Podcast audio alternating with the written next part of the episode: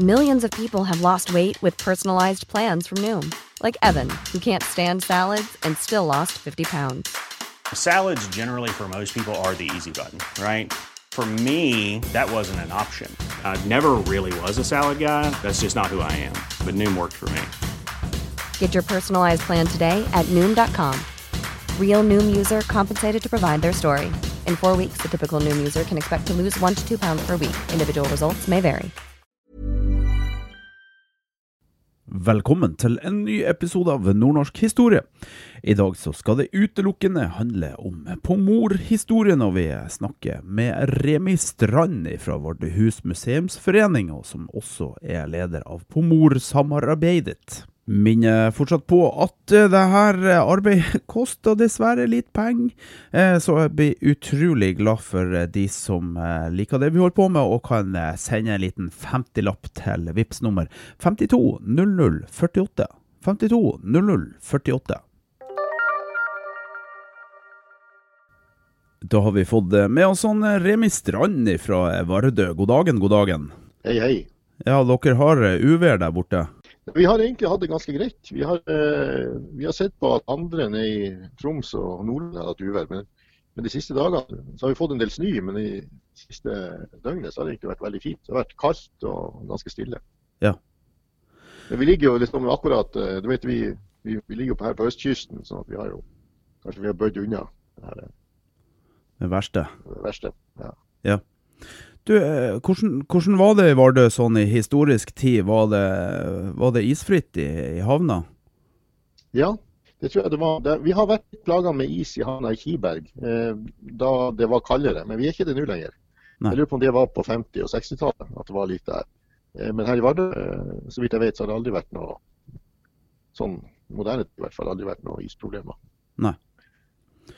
Vi skal jo snakke om pomorhandelen eh, i, i, dag, og hvor det vil være naturlig å, å begynne den historien hen?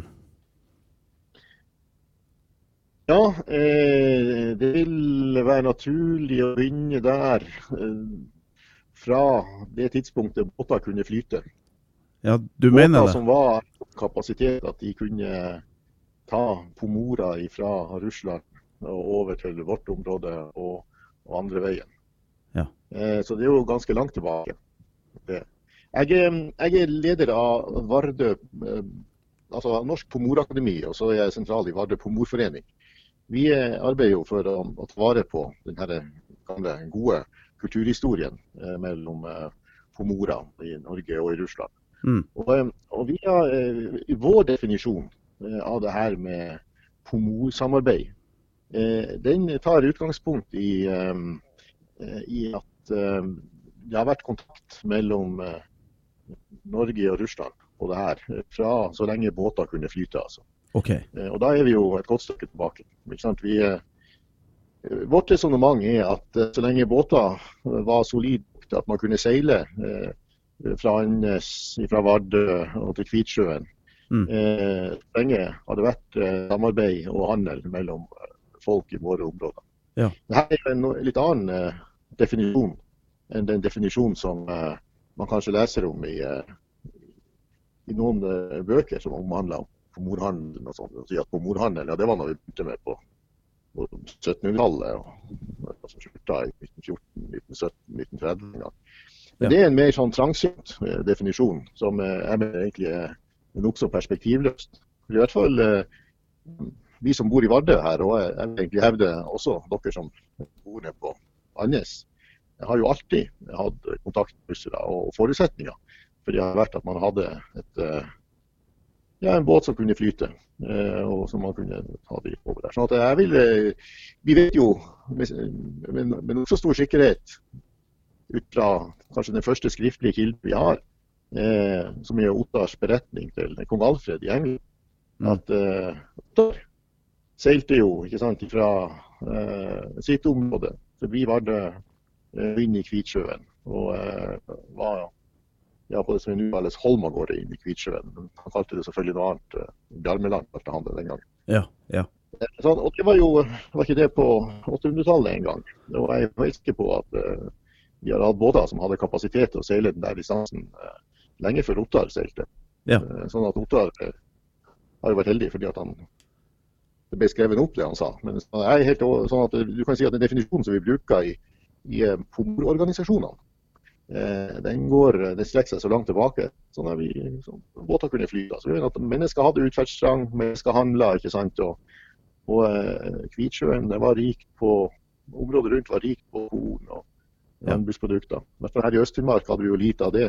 Så det var en helt nødvendighet at vi kunne drive den der eh, handelen. Og så var det egentlig litt nedover mot uh, er Troms og Nordland også. Ja. Så at eh, når vi snakker om pomorhandelen, eller pomorsamarbeidet, eh, så strekker vi det langt tilbake. Men vi strekker det også opp til våre dager. Eh, fordi at vi definerer pomorer da, som folk som bor ved kysten. Eh, om, det, om de bor ved kysten av Kvitsjø, eller om de bor ved kysten av Øst-Finnmark, sånn som jeg gjør, om de bor ved kysten av Andøya, sånn som du gjør, så er vi alle pomorer. Oh, ja. Sånn at kombinasjonen der, så lenge båter kunne bære, og, eh, og folk som bor ved kysten som samhandler, Ja. eh, den gir jo et voldsomt eh, perspektiv bakover, men det gir også et perspektiv her og nå. Ja. I forhold til samarbeid om, om eh, fiskeriressurser i Barentshavet. Jeg har faktisk akkurat i dag det var snakka med, med pomorbrødre, som jeg kaller det for, i Naryan-Mar, som jo er langt opp og langt, langt nord og langt øst i Russland.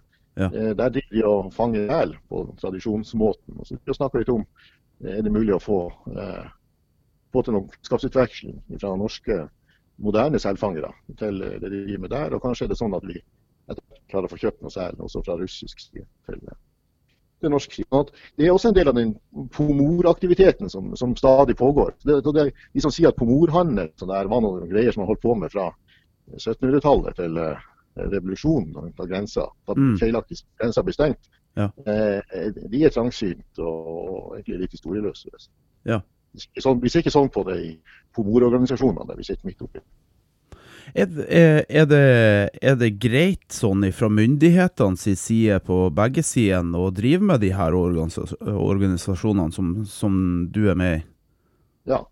Jeg har uh, vært nokså aktiv eh, i komororganisasjonene i en 15 års tid, i hvert fall. Og, og eh, det vi opplever, det er egentlig at det er tommelen opp både fra Oslo og Moskva uh, for den der naboskapsdialogen. Mm.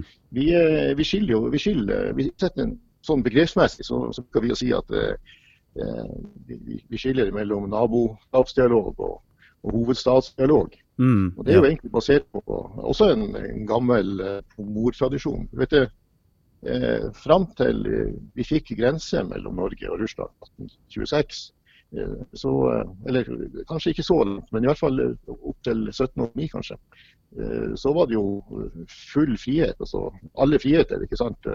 Folk her i Vardø, og, og ikke bare fra Vardø, men så lenger sør i, i Norge, reiste til Kvitsjøen og, og Hanna. og slo seg opp som handelsmenn med Kangnes. Det var liksom ikke bare fire friheter som man snakka om i Europa i dag, men det var full av press.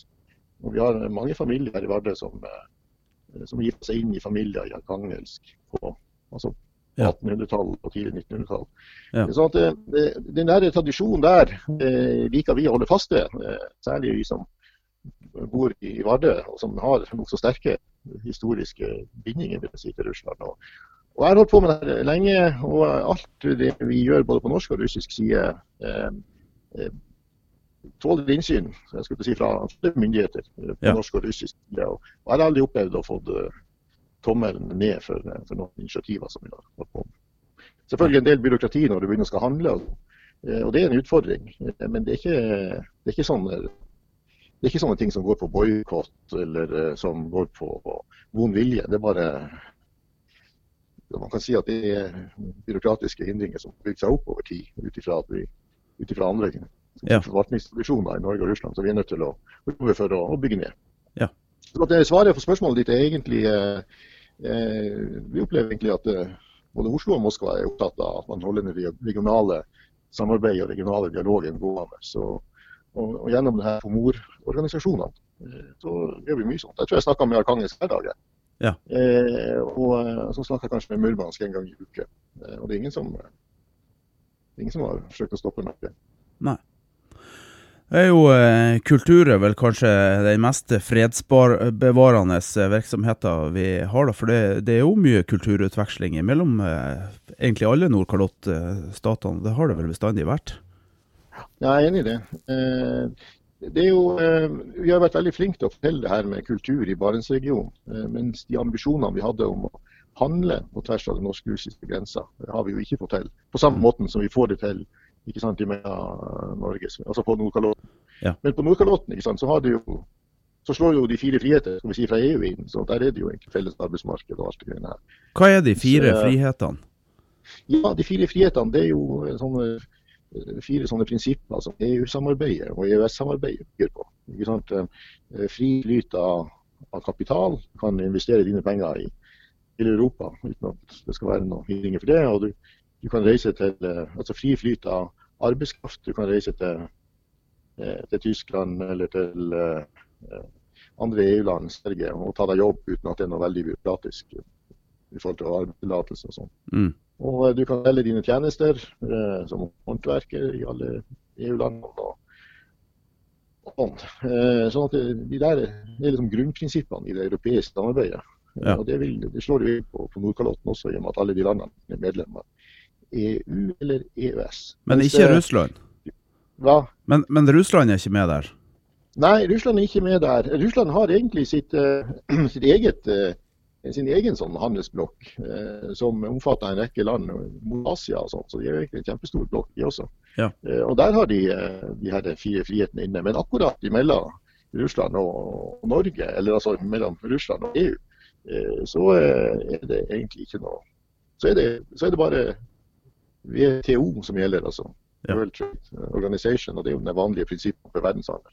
Ja. Så at i prinsippet går det godt an å handle, eh, handle men, men det er ikke så og Det er ikke sånn fryktelig vanskelig her, men, eh, men du må liksom vite hva du holder på med. For det er en del detaljregler som man, eh, må, man må forholde seg til. Man skal Ja. krysse grenser når tolling og det, og det leder meg jo litt innpå, inn på For jeg sendte deg bit av en eh, avisartikkel fra eh, 1930.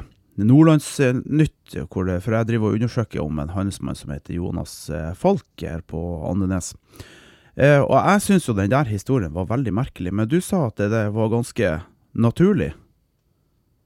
Ja, jeg så jo denne artikkelen. Det var vel eh, en eh, Bogdanov, eh, en, russisk eh, skipper, pomorskipper, eh, som hadde lagt seg til i var det Ja. i noen måneder og handla. Ja. Så sto det i avisen at han drev handel Ulovlig. og at, at han ikke betalte toll på varene. Ja.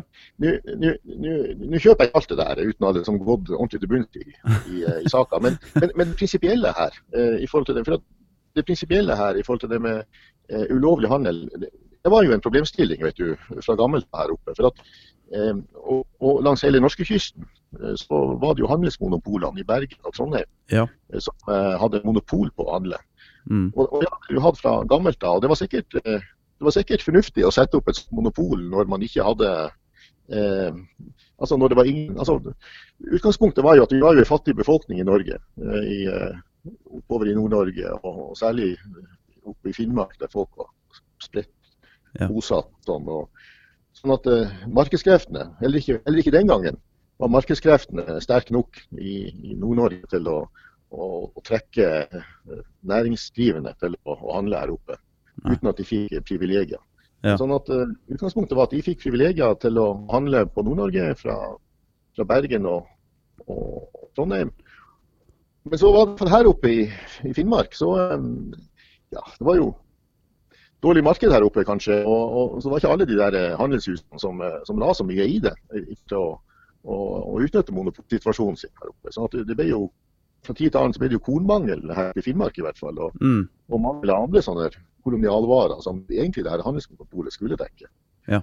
Og da, ja, hva gjorde de da? Eh, I hvert fall her oppe, og antagelig også eh, nede hos deg på Andes.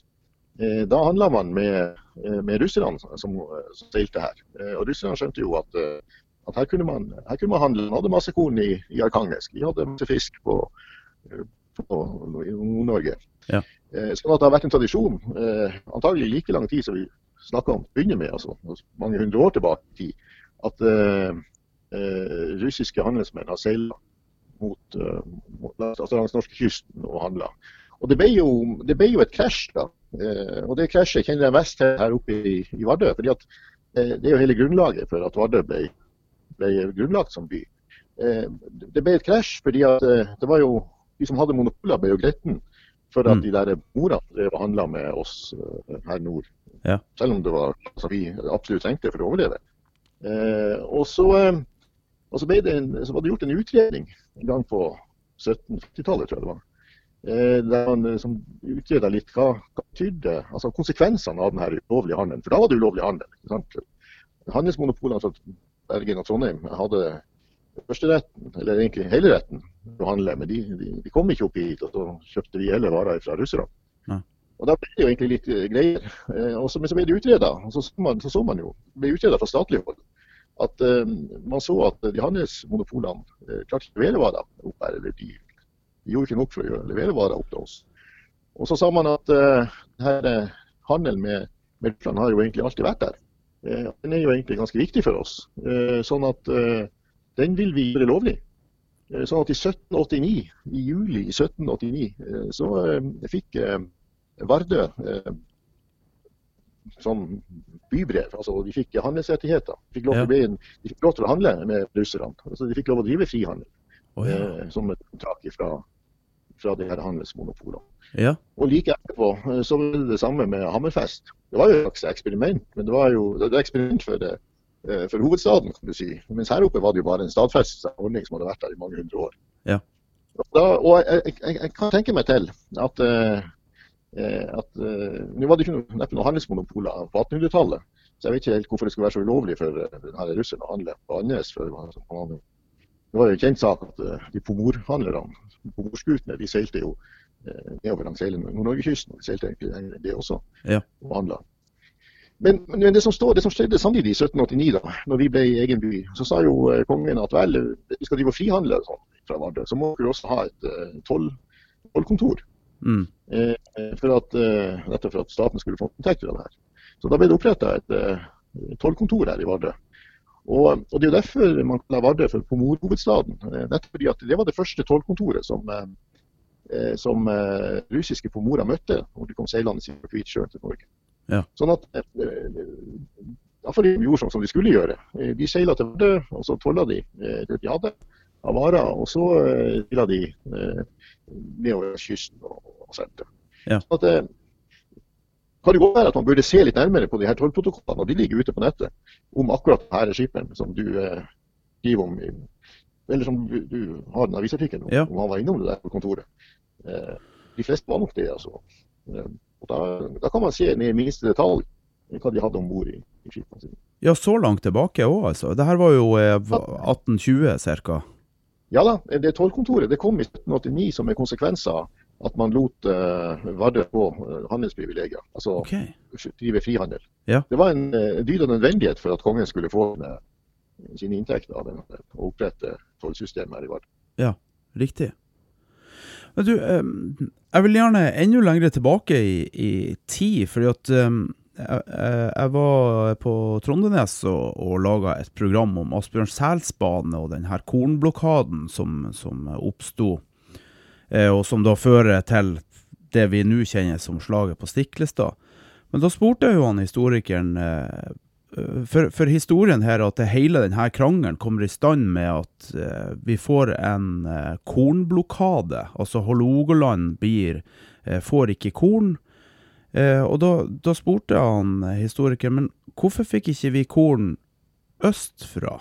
Eh, og det kunne ikke han svare på, men han, han sier at han har lurt på det, han også.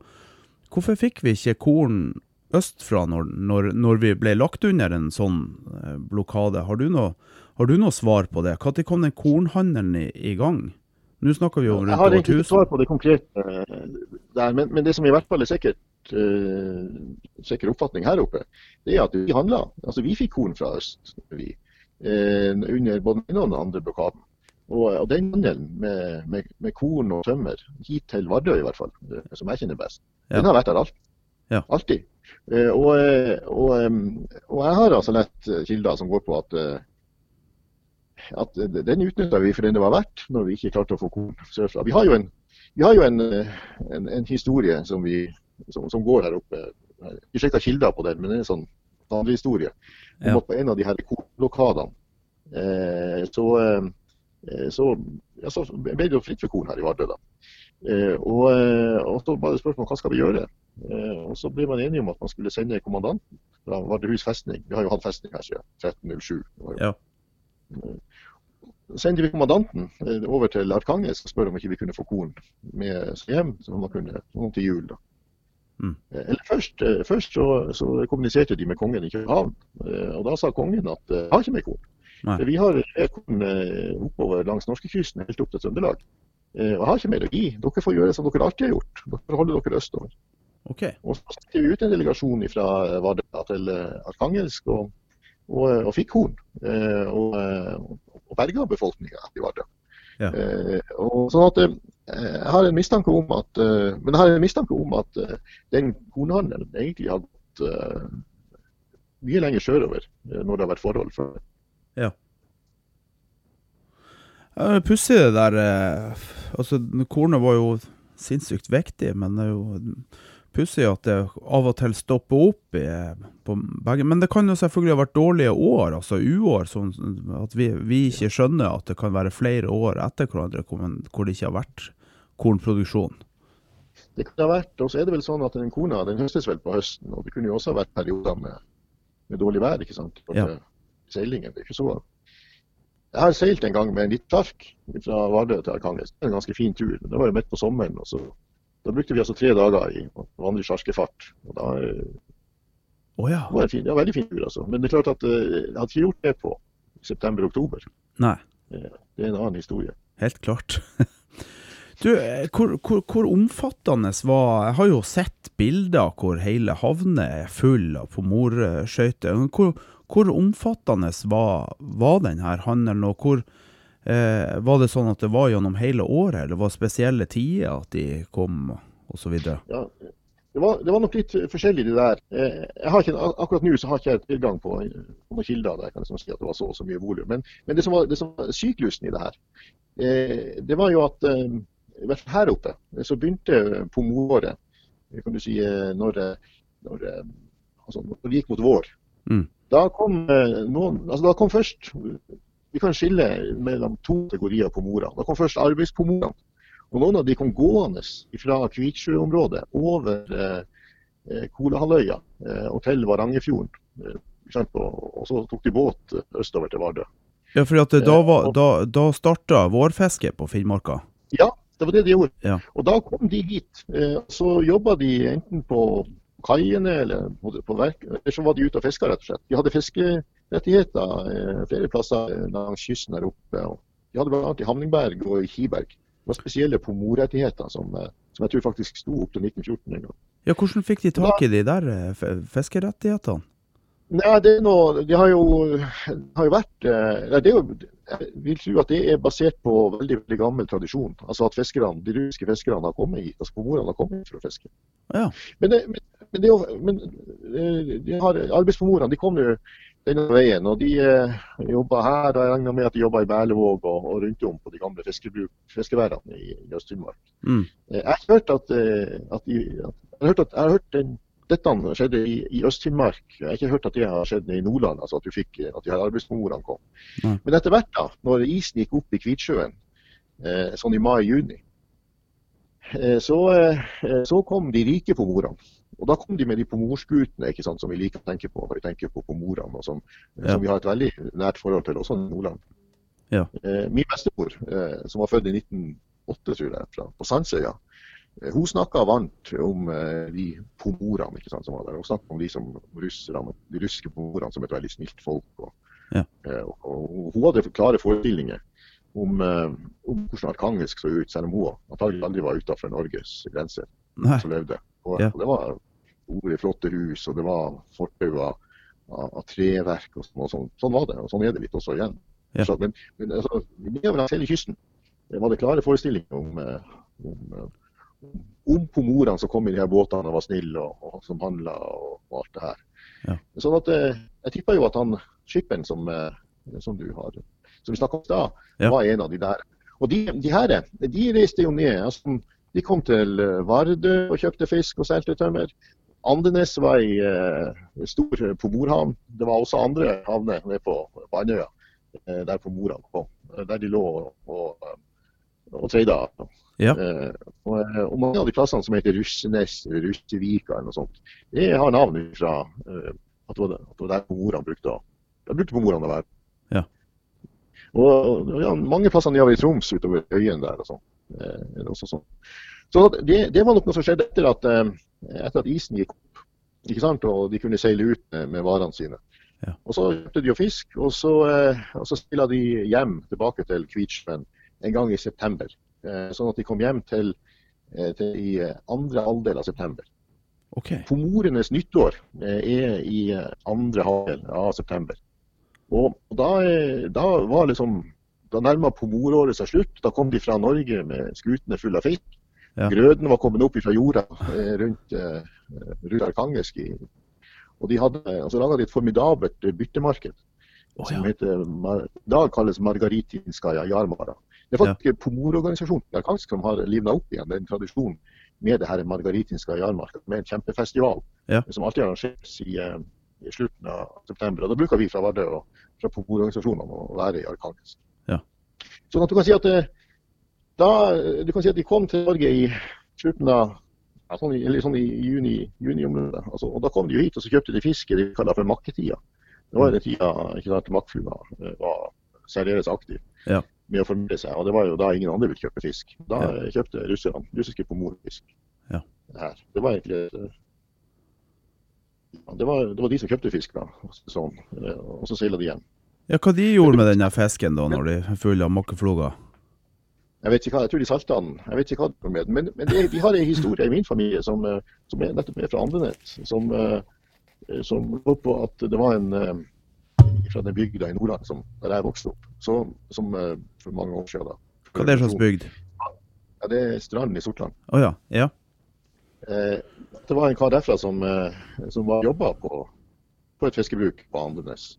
Eh, og når pomorene kom og skulle ha sei, for det var sei på den tida der, mm. den tida der året, så, så brukte pomora høygafler for å, å, å, å lete fisk om bord i båtene. Ja. Og det skulle jo eh, vi eh, er litt rart. Vi syns jo det er litt sånn dårlig behandling av, fisk, men, men, det gjorde, det gjorde pomora. Og det har jeg sett bilder i, i eh, ja, på, på, på, sånne her utstillinger. At det var vanlig at de brukte høygafler for å stikke fisken om bord. Men du kan si at eh, jeg er ikke helt ferdig. Det er jo mye å snakke om i forhold til mor-samarbeidet her. vet du. Men, ja. men når de, når de uh, båtene seilte hjem sant, i september til, til Kvitsjøen og hadde det her markedet Før, før Kvitsjøen eh, fra oss til Fryshotell, mm. eh, før den fra oss til, så var mange av de her pomorskipperne eh, som uh, seila båtene sine nok en gang ut av Kvitsjøen og nedover til Baltikum og var i altså, og og seila altså sørpå. Altså, seila den norske kysten igjen, og så inn i Fiskebukta. Oh, ja. Og så var de i, eh, i områder eh, kan vi si, der sjør, som, og, drev fraktfart der sjør. Ikke akkurat i Finskebukta, for den fryser den også. Deler av den. Ja. Men, men er sjør som, som brukte båtene sine og tjente penger. Sånn at det, det er jo det er også Vi tenker jo på pomorhandelen, som, som har bare vært i, i Nord-Norge. Mm. Men det har vært trelast eh, fra Arkangelsk og ned til Mandal og, og områdene der.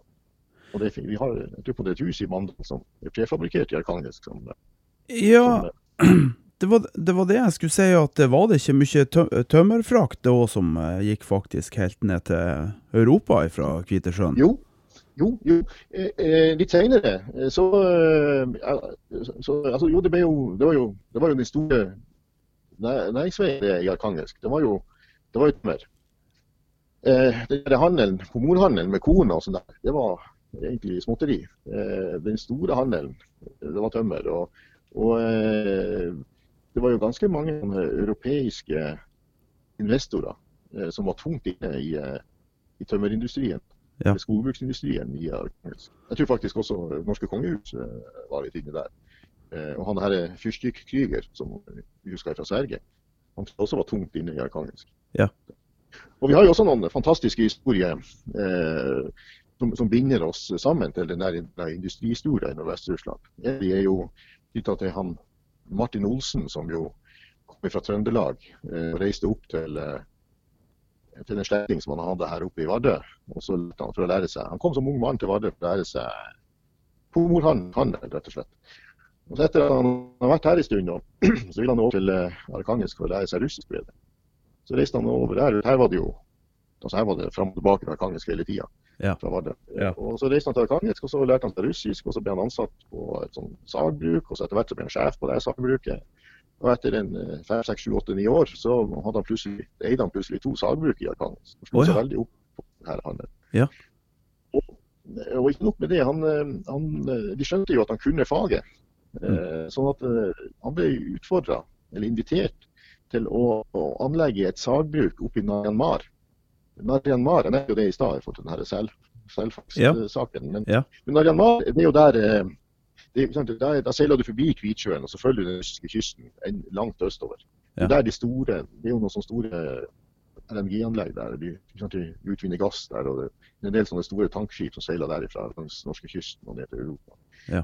i dag. Men den gangen så var det bare skog eh, og fiske og pomora som ble. Og da, da ble de eh, Da eh, organiserte han opp en kjempesvært sagbruk.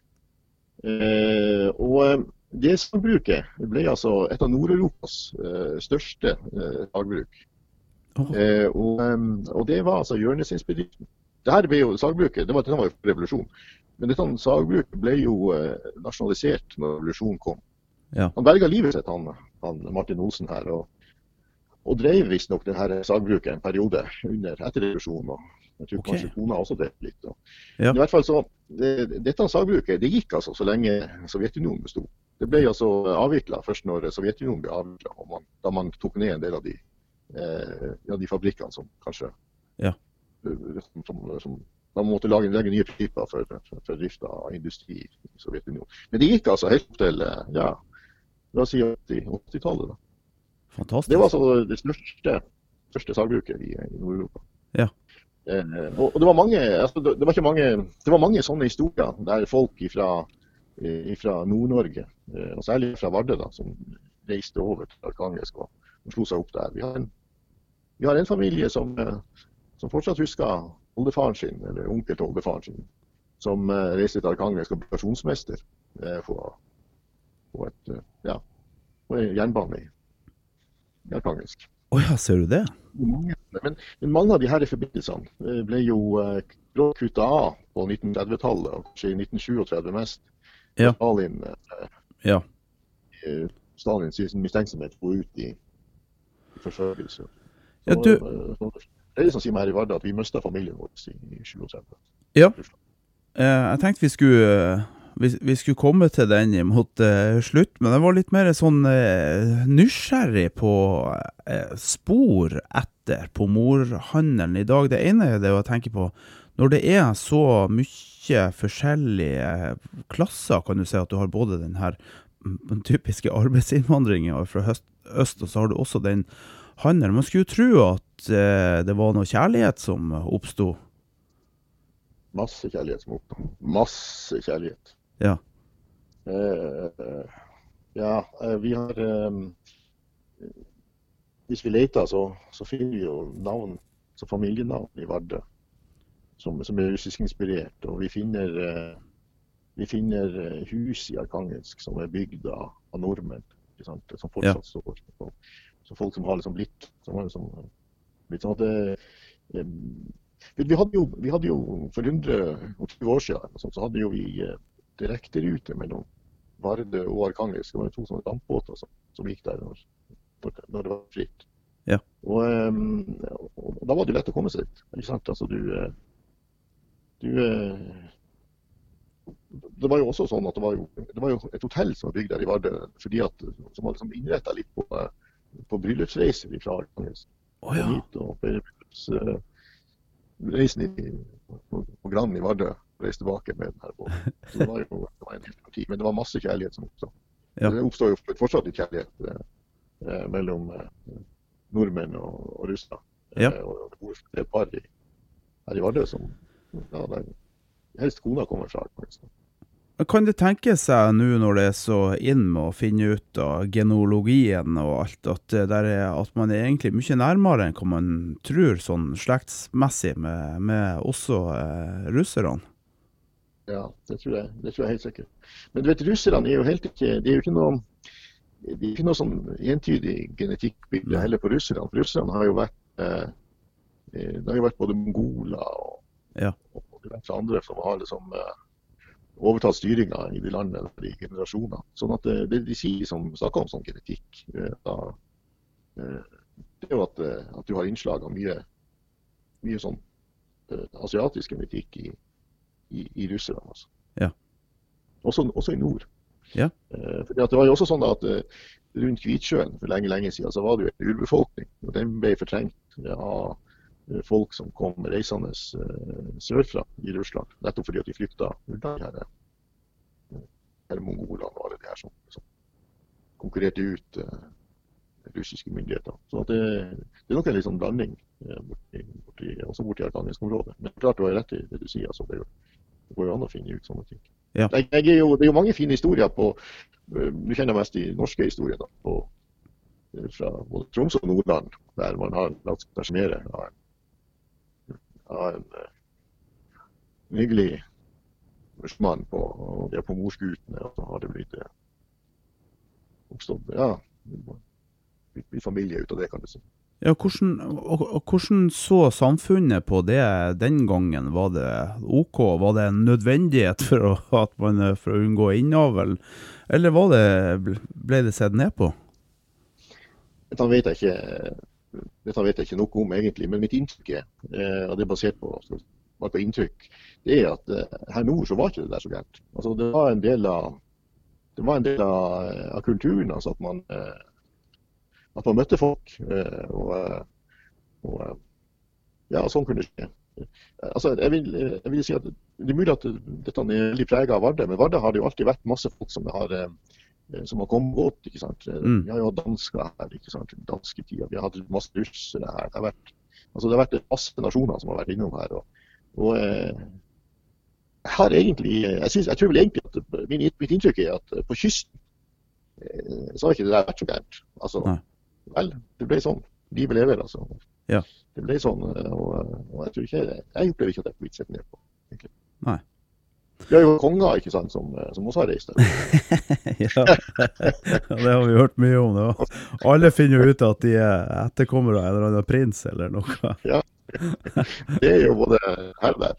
Eh, Så jeg tror egentlig at, eh, jeg tror egentlig at man har Du vet, her oppe For å snakke Vardø igjen, da, og det tror jeg egentlig er parallelt med på Andenes. De, de der som drev fiske fra åpne båter, det Mm. var jo ei eh, veldig stor Det var mange av de som forulykka på havet. Ja. Vi har jo skrevet laga årbok eh, om det der. Som Vardøhus museumsforening laga ei årbok som kan selges på museum i, i Vardø og på Andenes. Ja. Eh, de skriver litt om det her. Og, og, og altså, risikoen for å dø var, var ikke 25 altså, av de som Ja. fiska, omkom på havet. Ja. Og Det er klart at det, som, det var ikke noe nett, sosialt nettverk eller sikkerhetsnett eh, på den måten da. Altså, det som skjedde da, det var jo at, eh, at de der eh, enkene, eh, de måtte jo overleve. Ja. Eh, og, og da fant de seg jo fant de seg ofte andre nye allianser, nye venner å, holde sammen med. Eh, Så det var jo en tids harde lov, kan du si. Ja. Eh, og, og, så jeg, tror, jeg tror det samme, det samme var litt med til kommen. Altså hvis det, det ble et barn, så, så ble det et barn. Mm. Det var sånn det var. Ja. Og Sånn, ja. Du, jeg, også, jeg har jo undres lite grann. eh, Var det sånn at de her De, de, de arbeiderne som kom med båt, eh, er det sant at de hadde med seg hus på båtene som de satte opp, og så måtte de fjerne det når fisket var over? ja, eh, sånn, fra tidenes morgen så var det jo sånn. Altså, men, eh, det er jo riktig, altså, som du sier. De, etter hvert så ble pomorene sine rettigheter her, eh, altså de russiske pomorene sine rettigheter i, i eh, mitt område av Norge, Kiberg, Hamniberg og, og to-tre-fire andre plasser, Ja. de ble jo formalisert da. Eh, og, eh, og, og da, da lå det som en premiss at de skulle ikke få lov til å sette opp eh, fast, altså fast, ha, ha hus stående. Og de måtte ta med seg eh, båtene sine eh, hjem igjen Mm. når de var ferdig med sesongen. Ja. Og, og det var nok litt fordi at eh, Dette var dette var antagelig på svensketida, altså vi hadde svenskekongen. Og det var antagelig fordi at svenskekongen var redd for at de, at de skulle bli for dominerende i, i, i riket hans. At, skulle, at russerne skulle som flytte inn her. og Ja. Ja. Det var jo en form for russisk ekspansjon på den tida der. Eh, og, eh, og jeg tror ikke svenskene var var for det. Men, men det er riktig som du sier. Og, og, um, og det de gjorde, de, de hadde noen plasser, f.eks. i Hiberg så hadde de noen spesielle plasser de brukte å, uh, brukte, eh, altså brukte å bo. Men det, det hører også med til historien at det, det var ikke alt det her som ble fulgt like godt. Og, og fikk jo gode allianser med, med de fastboende de Mm. Sånn at uh, det var flere eksempler på at båtene lot båtene ligge til neste gang de kom tilbake. Og, og, og at, de, at de hadde noen hus som de brukte hvert år. I Hamningberg f.eks., der det var sånne homorettigheter, der har vi noen sånne flotte, eh, flotte eh, Brygge. lave hus. Som, eh, ja, det er egentlig sånn, mer sånn rorbuer. Ja. Eh, som vi kaller for russebuene, som er tatt vare på. Ja. På taket og sånn. Og det, det er Eh, nettopp blitt restaurert, har det ikke det? Ja, jo, det ble restaurert for Det har vært restaurert eh, Det er et veldig, veldig viktig kulturminne. Eh, sånn at det, selv om det var sånn i regelen at vi ikke skulle ha hus og sånn her, så, eh, så var det også sånn at vi hadde nok litt allikevel. Mm. Men du vet, eh, det var ikke bare det, vet du. De hadde jo eh, fra 1880-tallet eller noe sånt fram til 1914, tror jeg det var, eh, så hadde de jo eh, et eget eh, helsetilbud i Kiberg. Oh, ja, Det var, ja, det kom, de hadde et lite lasarett der. Eh, De, de hadde det var et par leger og en sykepleier eller to som eh, der som kom til Kiberg og, for å følge opp eh, russiske fiskere. Ja. Eh, og de, og de det var delvis betalt av, av Røde Kors i Arkangelsk, som igjen fikk penger fra tsaren i eh, Petersburg. Eh, og, ja, og så Det var et godt tilbud. Og, og det var faktisk så godt det der tilbudet at folk reiste fra Vardø til Kiberg for å få behandling hos denne legen i eh, Kiberg. Fordi at eh, den behandlinga i Kiberg det var gratis. Eh, mens her i Vardø måtte man betale. Ja. Behandlinga var ganske god. Så i mange år så leide de, så ble det, så leide de hus eller i- det et rom i Kiberg der de, der de bodde da og hadde behandlingssted. Tror Saren det her hadde en eh, Tror du Saren hadde en eh, baktanke med det her, altså faktisk det svenske, svenskekongen var redd for? Jeg tror egentlig ikke det. Jeg tror egentlig ikke det, fordi at Vi har en annen historie som, eh, som underbygger hvorfor jeg ikke tror det. Ja. Og Det var også på 1870- eller 1880-tallet så, eh, så ble det bygd ei kirke borti Arkangelsk som eh, man skulle frakte til eh, Vardø. Oh, ja. Det var mye russ her i Vardø, og Ja. man trengte en ortodoks kirke. Ja. Så den ble prefabrikkert i Arkangelsk og satt opp på Solombola, som et, ja, som er litt utenfor sentrum i Arkangelsk. Og, og vi var klare til å motta den kirka her i Vardø, men så, så stoppa alt opp. Mm. Og, eh, og da var det altså Utenriksdepartementet i Moskva eh, som på 1880-tallet sa at eh, vi, vi skal ikke gjøre det likevel. eh, For det, det kan bli oppfatta som en del av den russiske ekspansjonen. Det kan føre til at vi Ja, politisk støy. Ja. Da var det russerne egentlig sjøl som, eh, som, eh, som stoppa hele den prosessen. Og den kirka ble stående på Solombola eh, til den, den gikk til grunne, skal jeg si. Eh, Og eh, ja, det var jo lenge, det. Ja. Det det er også en del av det historien. Så jeg, tror at, jeg tror man var Man hadde en slags eh, jeg, jeg tror ikke, altså, vet, Her oppe er vi ikke redd russere, eh, på Nei, samme nei. måten som man eh, kanskje var det i Stockholm den gangen. Ja. Eller. Eh, Sånn at eh, jeg tror ikke at det var noe de fleste der. Altså. Eh, eh, Akkurat det her med, med kirke og sånn, det er jo Den kirka i Neiden, den er vel òg russisk, er ikke det? Og det er vel den eldste trekirka vi har i Norge? Ja, eh, den er fra 1500-tallet, tror jeg. Eh, Sånn at eh, Den er vel ikke den eldste, men I Nord-Norge, da, kanskje? ja, det, det er ikke, jeg er ikke sikker på det. Det kan godt være at du har riktig, at det er rett det du sier. Men i hvert fall, det er jo et lite kapell vet du, i Neiden. Mm. Eh, og, eh, og du vet, grensa ble jo ikke gått opp mellom Norge og Russland før i 1826. Nei. Og eh, det var jo mye snakk om også hvordan man skulle trekke grensa i forhold til Boris Gleb. Der er det jo i større, der er det jo i kirke. ikke sant? Og da lager man jo en ordentlig, en ordentlig avvik da, ifra, eh, fra, en, fra en naturlig grenselinje, nettopp fordi at russerne skulle få Boris og Glebs eh, inn i, i Russland. Fordi at Ja. det var et hellig, et hellig sted. ikke sant? Ja. Og, og så var det sånn at eh, man delte jo eh, eh, man delte jo de her samene, altså den samiske sida. Man delte, man delte jo de samene som bodde i, eh, i, i Neiden. Så de fikk valget mellom for at du liksom trakk den her den norsk-russiske grensa eh, på en sånn måte at de, eh, ja, at de måtte velge land. Så de gikk en periode der de kunne velge, velge land, og så noen ble værende i Russland. Noen kom til Norge. og så Men men, dette men, de tror jeg i en stor grad var ortodoks. Mange der var ortodoks. Ja, da ble var det var- viktig for de å ha kapellet i Neiden. Det var, det det- var sko skoltesamer, det, var det ikke det? Ja. Ja. Mhm. Riktig. Ja, de hadde vel en sterkere eh, tilknytning kanskje til, til det ortodok ortodokse, ja. ja, så jeg tror det var sånn at, eh, at det, det, det er liksom det som er forklaringa på at de eh, ja, altså at de har eh, det kapellet i, i. Og har vært der i ja, i hvert fall, i hvert fall siden 1500-tallet. Vi skal ikke gå så hardt inn på dette med kristninga. sånn. Det, det er jo et helt eget program. Vi begynner jo å nærme oss eh, slutten her. Vi har fått eh, med oss eh, både forhistorien og sporene i dag som finnes etter Pomora. Men så er jeg jo litt sånn spent på eh, hva kan vi gjøre for å holde denne historien i hevd? Som du sier, det, det foregår jo fortsatt den, den dag i dag. Hva, hva, hva kan vi det nordnorske folk gjøre for å bidra til å holde det her i gang? Ja, det er et godt spørsmål. Eh, det, det er fryktelig viktig at vi holder dialogen eh, med våre russiske venner, altså befolkninga i Vest-Russland, eh, like. Vi har fryktelig mye eh, felles historie å bygge på. Pomorhistorien er jo et veldig sterkt eksempel på det.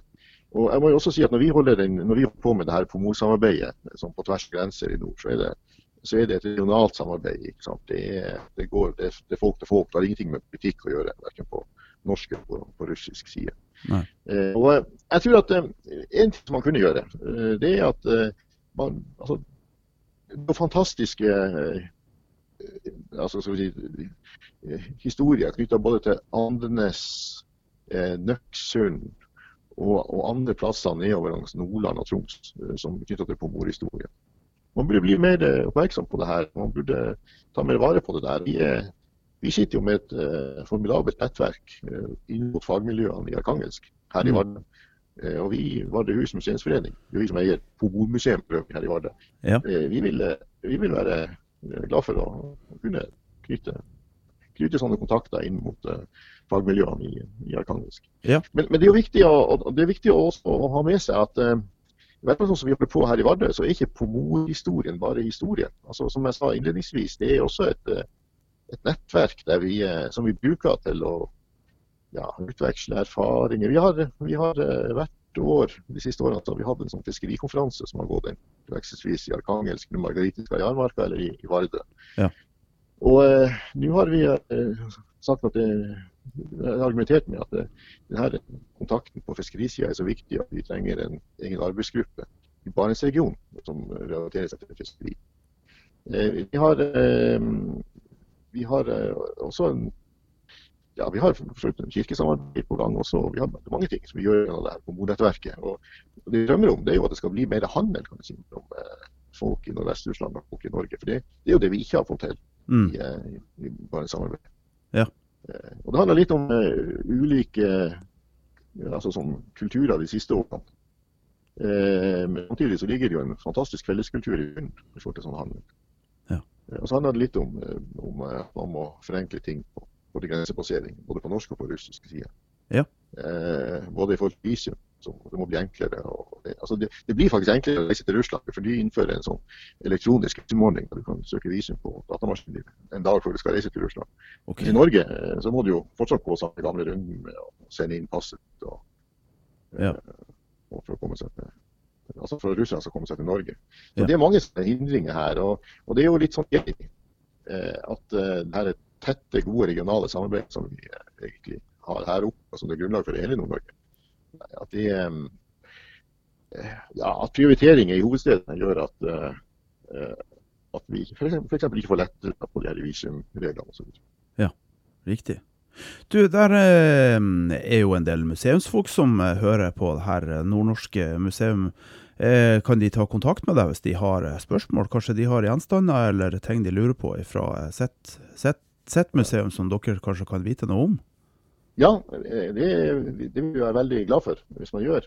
Og det er jo sånn at Jeg representerer en forening som heter Vardøhus museumsforening. Mm. Den ble stiftet 1894. og Det er som sagt vi som eier Pomormuseet og, og drifter Partisanmuseet. Altså Partisanmuseet i Kiberg. Ja. Vi er veldig interessert i i uh, dialog omkring de her tingene. Ja. Kjempegreier. Nei, men du jeg ligger, på, jeg, jeg, ligger ute på Facebook, så man kan uh, nå meg der. Uh, og Museumsforeninga, Vardøhus museumsforening ligger også ute på Facebook. Man kan bruke den inngangen også. Det vil vi også ja. fange opp. Rem, han Remi Strand fra Strand i Sortland, men nå i Vardø. Tusen hjertelig takk for denne gangen, Remi. Tusen takk, også til deg.